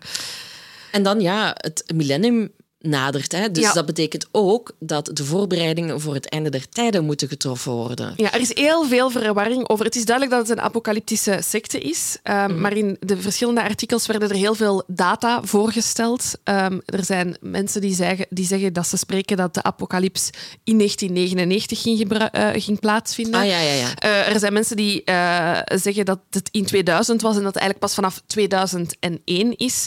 Ehm, we gaan later nog over motieven spreken, maar dus gewoon wetende, wij weten ook niet of het effectief de bedoeling is om in 1999 het einde van de wereld te zien of 2000. Daar is wat verwarring over ehm, in de bronnen. Ja, maar er, er, er is toch wat onrust binnen de secten. Hè? Ja, Eh, de- de- want het is maar een jaartje verschil en allee, het komt dichterbij. Dus ze schieten wel in gang. Hè. Ehm, ze worden, de leden worden aangespoord om een zonde op te biechten. Ehm, de kleren worden verkocht, het vee wordt verkocht. Ehm, de vroegere leden worden opnieuw gerecruiteerd. Want ja, het, het is nu of nooit. Ja, het is van, oh, je hebt ons verlaten. Maar weet je nog, die apocalypse, nu is het me echt bijna. Ja, ja, inderdaad. Maar ja, bon, kijk, eh 1 januari 2000 Breekt aan. breekt aan, komt en gaat. Zoals jullie weten, wij zijn er vandaag ook nog steeds. En ja, bon, dus, er wordt een nieuwe datum geprikt. Ja, dus de, die, oh, de, de verwarring over de eeuwwisseling is groot. Eh, Want ja, het is 1 januari 2000 en de wereld bestaat nog. Dus dan ineens wordt er, allee, of dan of ervoor wordt er al gesproken over, ja, maar 2000 maken we nog mee. Het is dat jaar 1 van het nieuwe millennium. Dat gaan we niet halen. Dat is... Dat, dat zal de eh apocalyps Ah, zijn. ja, ik, heb, ik heb gelezen dat 17 maart de nieuwe Ah, dat ze datum... effectief een datum hebben geprikt. Ja, ze hebben effectief Ah, een nieuwe datum geprikt. Ik had gelezen van het jaar 1 van de nieuwe wereld. ehm, dat, dat, dat het dan ging gebeuren. Maar wanneer? Ja, maar dat, dat heb ik ook ergens gelezen. Maar het, het, het meeste wat dat ik ben tegengekomen is... Dat, allee, of dat, dat vermoeden ze dan, dat ze dan die datum Dat ze hebben toch geprikt hebben voor die apocalyps. voor die apocalyps. En dat is dan heel random 17 maart. Of in mijn wereld is dat heel random dan. Als nu zeg je zo, is er iemand van ons luisteraars geboren op 1 maart? Op 17 maart 2000 heeft u dus van, zo random is dat niet. Ik bedoel, ik ben hier nu. Ja, of misschien is dat, heeft dat een betekenis in het katholieke geloof. Het zou, het zou een feestdag geweest zijn, denk ik, als het van betekenis was geweest. Zwat. Ehm, dus, ehm, ja, het is 17 maart. En zo zijn we ons verhaal eigenlijk begonnen. Ja. Jullie herinneren, Silken heeft verteld over een brandende kerk en ehm, allemaal verkoolde lichamen. Die niet geïdentificeerd kunnen worden. Nee. Dus uiteindelijk sterven daar 530 mensen, waarvan 78 kinderen. En ehm, er is een nabestaande die in een van de artikels die we hebben gelezen een, eh, een heel erg pakkende getuigenis heeft gedaan, want hij verloor zowel zijn zwangere vrouw, zijn twee dochters en zijn ouders. En ehm, hij zegt eigenlijk van, kijk, ik heb mijn familie voor het laatst gezien op 29 september vorig jaar. Die dag kwam er iemand van de secte hen ophalen om naar Kanungu te gaan. Ik zag ze wegrijden in die laadbak van een pick-up truck. Um, een week daarvoor hadden ze nog alles verkocht: een huis, een, een meubels, een spullen, zonder dat ik het wist. En ik heb nog tegen mijn vrouw gezegd: van, alsjeblieft, niet gaan, niet vertrekken, blijf gewoon bij mij. En um, zij heeft daarop gedreigd met zelfdoding. Kijk, van als je mij niet laat gaan, dan moet ik mij verhangen. En zij was op dat moment zwanger van hun derde kind. En hij zegt, ja, ze was onherkenbaar voor mij. Uh, hij verklaart ook van, ja, mijn vrouw was de eerste die van onze familie die in de ban is geraakt van de secte. Daarna heeft ze mijn ouders ook kunnen overtuigen. Ze begon de, dat uniform te dragen. Ze sprak in gebarentaal waar ik niks van begreep. Uh, ook de kinderen begonnen in gebarentaal te spreken. En als ze al iets tegen mij wilde zeggen, dan was dat eigenlijk maar gewoon om ruzie te maken. Dus hij, zei, hij gaf duidelijk aan, waarschijnlijk van ik ben hier niet mee akkoord, ik wil dit niet, ik wil geen lid worden. En ja, dat zorgt natuurlijk voor, voor conflict. Hij wantrouwde Jozef ook heel hard. Hij vertelt daarover dat hij twee keer bij hen over de vloer is geweest, dat hij zijn groene uniform aan had met een zwart-witte sjaal rond zijn hoofd en dat hij wel zijn best deed om aardig te zijn, maar die was, was bad vibes. Bad vibes. niet. Nee. En um, hij is dan ook nog uitgescholden geweest voor Satan. Dus het is ja, schrijnend gewoon wat daar gebeurt. We zijn mensen. Maar 4000, overtuigd is 4000 secteleden. En heb dan eens zoveel slachtoffers die allemaal collectief om het leven komen. Ja. Allee, ik bedoel, 531 mensen, dat is ja. waanzin, hè? Dat is waanzin. Heel veel families, dat zijn heel, hele families gewoon die in één klap uh, ja, gedood zijn. Um, Wat weten we van de gebeurtenissen? Ja, um, de politie probeert uiteraard uit te dokteren wat daar gebeurd is. Ja, we en... weten... Oh, sorry. Nee, nee, nee, doe maar. Nee, we weten dat um, één kerk volledig in brand is gevlogen. Daar hebben we al die uh, lichamen gevonden. En wat al heel snel uh, duidelijk is, uh, er zijn getuigen die van die vrijdagochtend spreken, die vertellen van kijk, ik hoorde enkele explosies. Ik ben naar buiten gegaan. Ik kijk naar het landgoed. Ik zie die kerk. Ik zie die kerk in vlammen opgaan en ik hoor mensen schreeuwen. Maar ze, de, de, de ooggetuigen vertellen ook van de omvang van die brand was waanzinnig groot. Dat is niet met ene lucifer aangestoken. En al, al snel wordt duidelijk dat de verschillende secteleiders de dagen ervoor um, uh, verschillende bussen met uh, zuur um, en, en, en um, een licht ontvlambare stof zijn gaan aankopen. En die hebben ze waarschijnlijk gebruikt om de brand in de kerk uh, te versnellen, zodat het daar ja, zo snel zo hard kon branden. Dat is natuurlijk ook de reden waarom dat er zoveel lichamen verkoold waren. Eenmaal dat die eerste vaststellingen worden gedaan van die lichamen die in de kerk worden gevonden, uh, ze ontdekken die verkoolde lichamen, ontdekken ze ook lichamen die niet verbrand zijn. Nee, ze, ze vragen zich op dat moment nog af, is dit een massa-zelfdoding? Oh ja, ja. Nee, dat is niet erg. Of een massamoord. Ja. Want dat kan alle twee op ja. dat moment nog. Ja. Um, en ze gaan er eigenlijk in eerste instantie van uit van ja, dit is massa zelfdoding. Iedereen heeft hiervoor ingestemd. Ja. Inderdaad. Totdat ze dan op een gegeven moment lijken vinden die niet verkoold zijn, inderdaad. Um, op het terrein zelf mm -hmm. is een latrine gebouwd. En daarin vinden ze de lichamen van zes verminkte en gewurgde mensen. Um, en daarmee wordt eigenlijk een moordonderzoek in gang gezet. Hè. En beginnen ze alle terreinen van de, en gebouwen van de secte uh, te doorzoeken. Dus ze zaten niet alleen op dat domein waar die kerk stond, maar ja, bon, iedereen had zijn land gegeven aan Jozef en Credonia. Ja, ja. Dus er was onnoemelijk veel... Iedereen met eigendom heeft het ofwel verkocht ofwel afgegeven aan de kerk. Dus er waren eigenlijk ook ja, andere... andere um landgoed, ja, landgoed wil ik ja. niet zeggen, maar andere velden waar, of, of andere gebouwen die mensen gedoneerd hadden, waar dat dan aftakkingen van de secte eigenlijk zaten. En op verschillende landgoeden vinden ze um, slachtoffers die dan uiteraard niet verbrand zijn, zoals de slachtoffers in de kerk. Ja, zo is er op een van de gronden uh, in Bohunga worden de lijken van um, 153 mensen gevonden. Zij zijn gewurgd en doodgehakt. Uh, ze lagen onder een gebouw dat, uh, ja, dat door, door de secte gebruikt werd En ja, er waren 59 lijken van kinderen bij. Ehm, en ze vermoeden dat die, dat, die, dat die lijken daar mogelijk al zes weken begraven lagen. Dus die radartjes beginnen te gaan.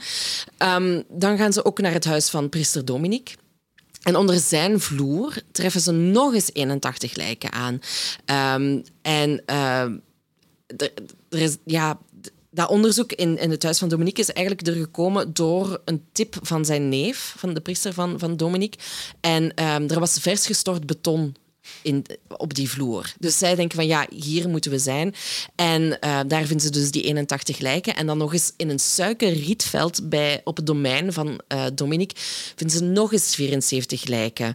Ik ben de tel ondertussen al mm -hmm. kwijt, maar het zijn er rond de 800, heb ik uh, ja. geschat. Omdat we het niet zeker weten, want ze hebben alles doorzocht neem ik aan, maar wie weet waar dat er nog mensen ja, begraven en liggen. Ook de schatting die ze in de kerk maken, je zei het al in het begin, er zijn mensen die tot as zijn vergaan. We zijn nooit 100% nee. zeker. Dus ik denk dat we uh, rond 800 kunnen... Uh, Allee, dat, afronden is, klinkt super fout in dit geval, maar ik denk dat we dus kunnen 800 en 1000, ja, dat we een schatting ja, daarop kunnen maken. Um, ja, je had het er al even over gehad, maar we zullen nog dieper op ingaan van hoe zijn ze eigenlijk te werk gegaan om al die leden te doden. Te doden. Dus laten we eerst het hebben over de kerk en daarna de massagraven. Oké. Okay. Dus in de kerk zaten voornamelijk vrouwen en kinderen. Mm -hmm. Um, die hadden dus die zeventiende ochtends een ontbijt gehad, van uh, een papontbijt als het ware, na een gebedswaken die heel die nacht al had geduurd. Dus die mensen zijn uitgeput, die krijgen dan warm eten in hun buik, zodat die zeer ja. rustig zijn. Maar, maar die gebedswaken was wel bijzonder, want dat was eigenlijk een groot feest. Ja. Het was, uh, ze hebben daar um, drie stieren op de rooster gelegd, als het ware. Uh, ze hebben, er waren 70 kratten aan uh, cola. Ja, heel... Dat, vond ik, dat, dat, dat brak mijn hart. Mm. Ze hadden de weken ervoor alle cola gekocht in alle naburige dorpen. Ja, dat is een luxe product op dat moment um, in, dat, in dat land. En dat, dat mocht dan in overvloed ja. worden genuttigd de nacht van de 16e op de 17e maart. Ja, zo, dat, dat breekt mijn hart als ik zo'n dingen ja, lees. snap ik, ja, bij mij ook. Um, nu, ze hadden ook al hun bezittingen verbrand. Ze hadden zich gewassen, nagels geknipt, hun haren geschoren met uh, goedkope Chinese scheermesjes. Uh, ze hadden hun groen-witte uniformen aangetrokken. En dan zijn ze naar de Ark, naar de kerk geroepen. Um, en daar zouden ze de kerk met uh, 68 jerrycans gevuld met benzine hebben neergezet. En dat gaat dan om meer dan 1000 liter waanzinnig cijfer. Vervolgens, en dit, wordt tragischer met de seconden, hebben, um, hebben ze de ramen en deuren dichtgespijkerd. Ze gaan ervan uit dat, dat de secteleiders dat zij dat gedaan hebben. Mm -hmm. um, en ze vermoeden dat de boerderijmanager van dienst, uh, Robert Kagankura, de brand aangestoken heeft. Mm -hmm. En uiteindelijk is er een zodanige vuurbal ontstaan uh, die zo intens was dat er zelfs, ja, dat zelfs zo schedels zijn geëxplodeerd. Ja. Hè? Dus... Het enige waar ik, de, allez, of waar ik mij aan optrek, is ik denk dat het zo snel moet ja. zijn gegaan dat er heel weinig besef moet zijn geweest. Ik hoop het. Maar ja, mensen hebben wel geschreeuw gehoord. Hè? Ja. Dus ik kan, ja, de afschuwelijke dood. Ja, ja. Afschuwelijke dood. Maar dus, de, en de kerk was ook speciaal gebouwd voor deze gebeurtenissen. Dus al die mensen hebben de dagen, de maanden ervoor intens gewerkt om die kerk op te bouwen. En dan uh, zijn ze allemaal gezamenlijk vermoord in de kerk. Dan over de massagraven heb ik gevonden dat um, ze vermoeden dat die moorden in de maanden voor de 17e maart gepleegd zijn. Dus die slachtoffers zouden naar een van die gebouwen uh, gelokt zijn geweest zouden daar gif hebben gekregen bij het avondeten. Um, een patholoog zegt van ja, dat was een snelwerkend gif. We weten niet exact welk gif het was. Um, maar er is een periode geweest waar, van enkele minuten waarbij dat de slachtoffers wel moeten hebben beseft wat dat er gaande was. Ja. En de mensen die dan nog in staat waren om weg te rennen of te schreeuwen, die werden dan het hoofd ingehakt of gewurgd. Um, en de patholoog zegt hier ook over: stel u voor dat je een kind wurgt dat niet snel of stil genoeg doodgaat. Ja, mm. bijzonder aan die massagraven of het verschil met de kerk is dat zij allemaal. Um zeer duidelijk en ordelijk tussen aanhalingstekens begraven werden. Dus ze waren allemaal um, uitgekleed en ze waren echt opgestapeld. Ja, hier mm. staat opgestapeld als sardinen in een blik. Um, maar dat dat heel, ja, tussen aanhalingstekens, nette uh, graven waren. Dus dat dat heel gestructureerd en ordelijk uh, gedaan was. Um, waarom zijn er al mensen vermoord in die periode voor de grote apocalyps? Uh, daar zijn ze niet zeker uh, van. Maar er is iemand die suggereert dat uh, de secte zo groot was dat de druk voor de secteleiders. Ah, ja. Dat er te veel mensen vragen begonnen te stellen. Eh, ze hadden al eens een datum gemist, misschien meerdere data gemist. En dat dus eigenlijk de mensen die in die massagraven gevonden zijn, mensen zijn die voor het eerst eigenlijk tegenspraak um, ja. gaven aan de secte. Ja, ik heb nog gevonden over de massagraven. Natuurlijk zijn die moorden in het geheim uitgevoerd. Um, er was niemand van op de hoogte. Buren zouden nooit geschreeuw hebben gehoord. Alleen het geluid van voertuigen die s'nachts kwamen. En er, soms hoorden ze wel eens graafwerkzaamheden, maar ja, dat kan van alles betekenen. En er was een buurvrouw die op minder dan 60 meter van een van de graven woonde. Die zei van ja, ik sprak wel eens met die mensen die hier kwamen. En die zeiden van ja, we zijn hier latrines aan het bouwen. En dan bleek dat zij eigenlijk hun eigen graven hebben gegraven. Um, het, het, is ook zo dat um, dat de politie vermoedt dat niet Credonia en Jozef rechtstreeks verantwoordelijk waren voor die moorden, maar ze gaan ervan uit dat Credonia andere mensen er heeft toe aangezet om die moorden te plegen. Ja. Ja, we zitten op een hoogtepunt van een secte tussen de duizend en de 4000 mensen. Die twee mensen kunnen niet al. Allee, zullen en het, het, het, is natuurlijk ook wel een classic voor secteleiders om uh, dit soort klusjes uit te besteden. Ja, ik, ik heb hier, ik zie nu voor mij toevallig, uh, nog een interessante quote um, van een voormalig lid. En hij zegt van, kijk, uh, Credonia zei dat de duivel, duivel overal was. Um, dus iedereen was bang van de duivel, als het ware. En hij zegt van, kijk... Um, zij vertelde dat de moorden nodig waren om de gemeenschap van het kwaad te ontdoen heel, heel schrijnende uh, situatie. Zo, zoveel, zoveel doden. Ja. Ehm, een grote vraag, Silke. Waarom? waarom? Wat is het motief? Ja, ik ben twee motieven tegengekomen.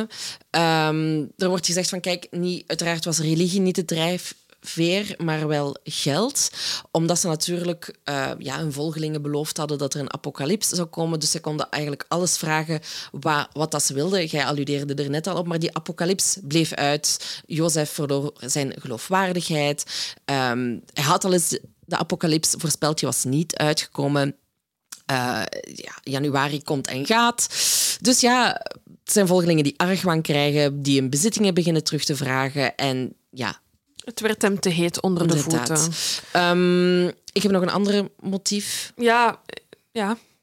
Of wil jij... Nee, ik, maar ik, ik, ik weet niet of het als een motief kan worden bestempeld. Maar um, um, bij de BBC halen ze aan dat zijn bipolaire stoornis zou ah, hebben um, bijgedragen tot uh, ineens de ingeving van en nu moet iedereen dood. Ah ja, oké. Ja, maar ik vond, vind korter de bocht, dus daarom dat ik het niet echt als een Nee, ik, ik zou eerder dat Credonia is mijn gevoel dat zij meer de mastermind is. Zij is de leading lady. Hè? Ik denk dat we daar wel van uit kunnen gaan. Um, ik heb nog een, uh, een andere hypothese die ook um, gekoppeld is aan Jozef. Um, dus er is al wat... Zijn mensen zijn al wat sceptisch. En, maar in deze, in deze theorie zou Jozef gestorven zijn. Mm -hmm. En is niemand daarvan op de hoogte gebracht. Dus mhm. mensen beginnen zo ook argwanend te worden over van waar is die man? We hebben hem al zo lang niet meer gezien. Je bedoelt, hij zou gestorven zijn pre 17 maart, ja, Ja, inderdaad. inderdaad. Um, nu... Um, wacht even kijken. Ja, dus Credonia zegt van ja, op een gegeven moment komt ze clean en zegt van ja, hij is veranderd in een soort van Christusfiguur. Ja. Um, maar ja, ze denken dat zijn dood tussen aanhalingstekens, we weten het niet, de aanzet kan geweest zijn voor overlopers die Credonia's heerschappij bedreigden. Dus mm ze dacht, Credonia dacht misschien, nu gaan ze een coup plegen, want Jozef is buiten beeld. En nu kan er ja, van alles gebeuren. Die haar er dan toe dwongen om een massamoord te plegen omdat ze niet het risico wilden lopen om al haar macht en rijkdom te verliezen. Ja, ik denk, ik denk dat waarschijnlijk zal het een combinatie van vele dingen geweest zijn. Hè. Ik denk dat Credonia um, uh, van Inborst zeker niet de beste persoon moet geweest zijn. Zij start eigenlijk jaren geleden met het prediken van die Maria-verschijningen. Zij krijgt wat following. dat vindt ze leuk. Die following wordt groter, ze wordt gesterkt daarin. Dus ze start een organisatie, er komt ik weet niet wat geld binnen. Maar ja, hoe groter hoge bomen vangen veel wind. En ik denk dat er tegenstand eh, zijnde van secteleden van buitenaf. eh, Die, dat zal, en dat zal haar te warm onder haar voeten zijn geworden. En ze zal zoiets hebben gehad van... Ja, we kunnen niet nog eens die apocalypse uitstellen. Want dan ben ik alles kwijt. Dan ben ik alles kwijt. Als, ik bedoel, als die 4000 man hier optreedt tegen mij. Ehm, en ik denk dat ze uit die eh, spanning gehandeld eh, heeft. Ja. Ehm, dan heb ik toch nog een vraag voor u, Ja, Silke. zeg maar. Waar is Jozef en waar is Credonia? Ja, dat is de vraag natuurlijk. Dat is de Ehm, vraag van de 1 hamvraag. miljoen. Dus in eerste instantie vermoeden ze dat die twee omgekomen zijn in de brand, als Jozef nog geleefd zou hebben. Mhm. Maar er wordt ook gedacht dat die twee wel eens gevlucht zouden zijn, dat ze voortvluchtig zijn. Ehm, zo denken ze bijvoorbeeld dat Credonia naar Congo is gegaan, hè, de grens overgegaan is. Ehm, en ja, Oost-Congo is nu niet het beste gebied om naartoe te gaan. Nee, als je de locatie ingeeft op, eh, op de kaart, dan zie je dat we hier echt in de grensregio met Congo zitten, ehm, maar ook met Rwanda. Ehm, eh, maar van, van Congo is het amper 30 kilometer van de grens. Ja, daar zijt je snel. Ja, maar de autoriteiten in eh, Oeganda denken, ja, een klopjacht mm, gaan we hier niet doen, levensgevaarlijk. Maar ze zou daar alleszins genieten van het goede leven met al het geld en de bezittingen van haar slachtoffers. Maar aan de andere kant vind ik dat ook moeilijk, want ze moet holder de bolder als het ware vertrekken, tenzij dat ze natuurlijk voorbereidingen heeft getroffen. Ik vind het moeilijk. Ik denk wel dat ze gevlucht gaat zijn. Ik Dus denk, ze gaat niet in, mee in die kerk gezeten hebben, ik. Ehm, maar ik zie wel zo iemand vluchten en dan alsnog zelfmoord op zichzelf plegen. Ja. Zelfdoding om, om, om gewoon zo de... Ja, dit is te groot voor haar, hè. Mm. Ze is erin gerold. Alleen nee, ze heeft dit zelf bewerkstelligd. Ehm, maar ik denk omdat dit, de- deze secte uit zijn voegen aan het barsten is, dat ze is weggegaan. En ik weet niet of dat ze eh, in de rust en stilte ergens een, een stil leven aan het leiden is. Maar aan de andere kant is ze ook natuurlijk heel erg gelovig. Hè? Ik geloof wel dat zij gelooft dat zij die Maria-verschijningen Ja, ja heeft zeker, gezien. zeker. Maria is haar bestie, Ze daar heeft- zijn we zeker Ze van. heeft eh, eh, die opvoeding gehad met haar vader. Dus het zou me ergens ook niet verbazen dat ze toch in die kerk zat. Dat ze mee is gegaan in de hoop dat er dan een beter leven haar zou wachten. Ja. Dus voor mij kan het ook wel. Ehm, maar ja, we weten het, we weten het niet zeker. Nee, ze is in ieder geval nooit gevonden. Jozef ook niet. Nooit geïdentificeerd geraakt. Nee maar, nee, maar wat ik wel ergens heb gelezen, gelezen is dat de, Theresa, zijn vrouw, ergens op een gegeven moment wel heeft gezegd dat hij aan een ziekte is gestorven. Dus wie weet was hij echt wel al out of the picture. En ik wil Theresa wel ergens geloven. Ja, ja, die vrouw is sterk. Ja. Daar kunnen we zeker van zijn. Eh, maar bon, er, is, er is nooit een lichaam gezien van Jozef ehm, of een graf of wat dan ook. Ehm, En denk jij dat Credonia en Jozef zelf wel in hun... Ik geloof dat ze in hun Maria-dingen geloofden, maar geloofden zij in hun secte? Hè? Van secteleiders weten we dat ze vaak eigenlijk zelf niet geloven wat ze prediken. Je? Geloofden zij echt dat die mensen... De apocal kwam de apocalyps vol- volgens u voor Credonia? Ah, wel, daar, daar, daar, daar vind ik moeilijk om een antwoord op te geven, maar ik denk dat zij in eerste instantie er wel van overtuigd waren, maar dan ja, met macht. Ja, het Hmm. Ja, ik een denk beetje ook gek wel- is geworden Ja. in, hun, in hun hoofd. En dat ze Ik denk wel dat geld gewoon de drijfveer was. greed, inderdaad, ehm, dat dat uiteindelijk de prioriteit is geworden voor hen. Eh, ik heb nog iets over Dominique, de priester. Eh, ze vermoeden dat hij eh, ja, ook bij die doden in de kerk eh, kan worden geteld. Ehm, er werd een lichaam gevonden dat aan een, aan een priester werd toegeschreven. Want hij dat, lichaam had nog zo'n priesterboord om de hals. Dus ze vermoeden dat dat het lichaam van Dominique is geweest. Maar ook dat hebben ze nooit positief kunnen identificeren. Ehm, en eh, de mannen die de moorden veroorzaakt zouden hebben hè, in de latrines zij denken, eh, de politie denkt ehm, dat zij uiteindelijk ook ja, gestorven zijn in een graf dat ze ook weer zelf hebben moeten graven. Ehm, dus dat het dan weer ja, Ja, de beulen die hun eigen graf dan Ja, hebben. Ehm, ik heb nog een hot take van ehm, professor A- Irvin Hexam. Ja. Hij is hoogleraar godsdienstwetenschappen in Canada, expert in die Afrikaanse onafhankelijke kerken. En die zegt, um, die gelooft eigenlijk niet dat de, of die zegt dat er een optie is dat die brand um, geen zelfdoding is um, en ook geen moord is. Hij zegt er is een heel groot cultureel taboe rond zelfdoding, enerzijds in de katholieke kerk, maar ook in traditioneel Afrikaanse culturen. Hè. Wie zelfdoding pleegt, wordt een geest. We zitten met leiders die katholiek zijn. Ook binnen de katholieke kerk, dat weten wij, is zelfdoding een zeer groot uh, taboe. En ook die verbranding is zeer um, apart. Hij zegt, uh, in Afrika is het verbranden van mensen uitgesloten, behalve als je een heks bent. Mm. Um, hij zegt tussen um, 1986 en de begin jaren 90 werden er eigenlijk enkel heksen verbrand. En dat waren zeer kleine aantallen van, van mensen. Dat was zeker niet de manier ja, om tot doding over te gaan. En hij zegt um, iets waar hij over nadenkt, is van misschien moeten we eens nadenken over dat het niet ondenkbaar kan zijn dat buitenstaanders de kerk in brand hebben gestoken. Terwijl dat die, die mis bezig was. Ah, ja. Uh, uit frustratie van de secte. Maar hij, hij stapt daar enkel in met het idee van het is raar dat er voor eh, dat als je een secte bent binnen de katholieke vertakking, zeg maar, die, die, die zelfdoding vindt, hij, dat, dat botst voor hem met de traditie van de katholieke kerk. En... Maar dat bot... Dat... Dank u, professor. Maar het, uh... ik vind, eh, daarom dat ik begon met hot take.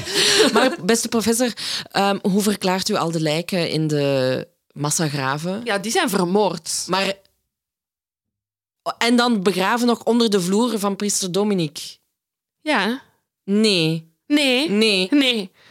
Ik geef het gewoon mee. Niet. Nee, maar ik vind het wel interessant, het Het, de cultus rond verbranding en, en zelfdoding. En ja, dat, ja, ja, dat, absoluut. Um, maar ik vind dan, als hij zegt van het is, on, allez, het, is, het is raar dat dit over zelfdoding gaat, dan had hij ook kunnen zeggen, dit is effectief massamoord. Dat was ook een optie geweest. Het moeten niet per se de mensen van buitenaf zijn. Hij had ook gewoon kunnen zeggen, het is inderdaad moord. En die mensen wisten niet dat ze gingen sterven die avond. Nee, inderdaad. Dat had hij ook kunnen zeggen. Bon. Heb jij nog uh, iets dat je wilt toevoegen? Nee, dat was mijn aftermath. Ja. Um, ik vond het heel interessant. Ik ben super blij dat je deze zaak hebt gekozen. Graag gedaan. Uh, ik vind het waanzin dat we toch van alle sectes die we brengen, zien we toch altijd datzelfde patroon ja, terugkomen. Absoluut. We zien de kledij terugkomen, voeding, leiders, geld. geld. Uh, er is altijd iets apocalyptisch.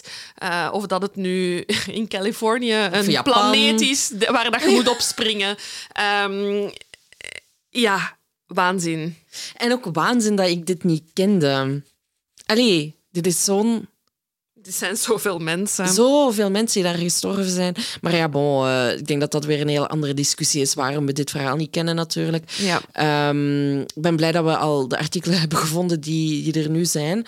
Uh, mocht hier iemand nog iets over weten... Aanvulling, ja, heel graag. Graag, graag, graag. Dan kunnen we volgende keer weer correcties stoppen. Correction corner. Nu dat ik mijn notitie heb geopend, jongens. Voilà. Niet te stoppen. Dat was het. Uh, ja, oeh, spannende dag voor ons morgen alleszins. Ja. Voor jullie is het natuurlijk twee dagen later, maar we gaan zien hoe het loopt. Ja. Um, Surf naar onze website, koop een ticketje. En we zien jullie op het podcastfestival. Ja, hopelijk wel. Bye. Bye.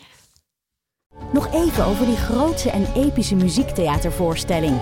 Het achtste leven voor Brilka is een marathonvoorstelling van 5 uur. Koop je tickets voor deze bijzondere theateravond via oostpol.nl.